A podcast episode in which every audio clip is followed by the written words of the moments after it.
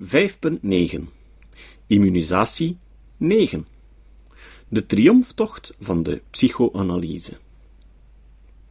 5.9.1 Het succesverhaal van de psychoanalyse. Het leidt geen twijfel dat de geschiedenis van de psychoanalytische beweging een onwaarschijnlijk succesverhaal is.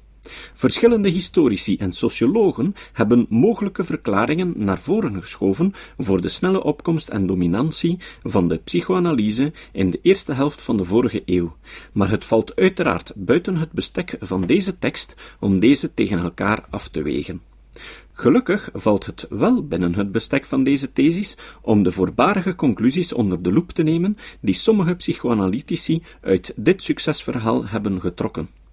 Sommige Freudianen gaan er immers van uit dat de triomftocht die de psychoanalyse door onze culturen gemaakt heeft, een rechtstreeks bewijs is voor haar diepe inzichten of haar wetenschappelijke doorbraken.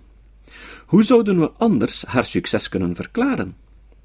Borg Jacobson en Shamdasini schrijven in dat verband dat het historische relaas over de psychoanalyse sinds jaar en dag vanuit het perspectief van de overwinnaar wordt geschreven. Hoe is het allemaal begonnen? Welke hindernissen heeft Freud overwonnen? Hoe heeft hij zijn successen verzilverd en zijn critici lik op stuk gegeven?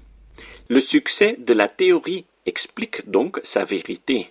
Et sa vérité, inversement, est légitimé par son succès.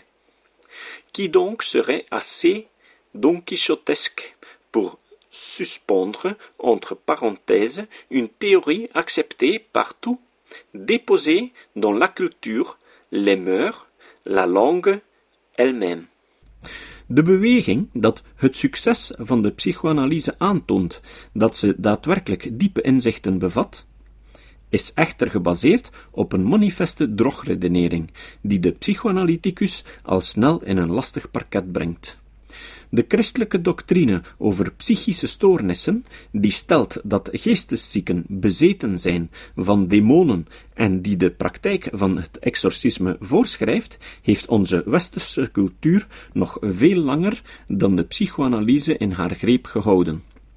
Hebben we daarmee de geldigheid van de theorie gedemonstreerd?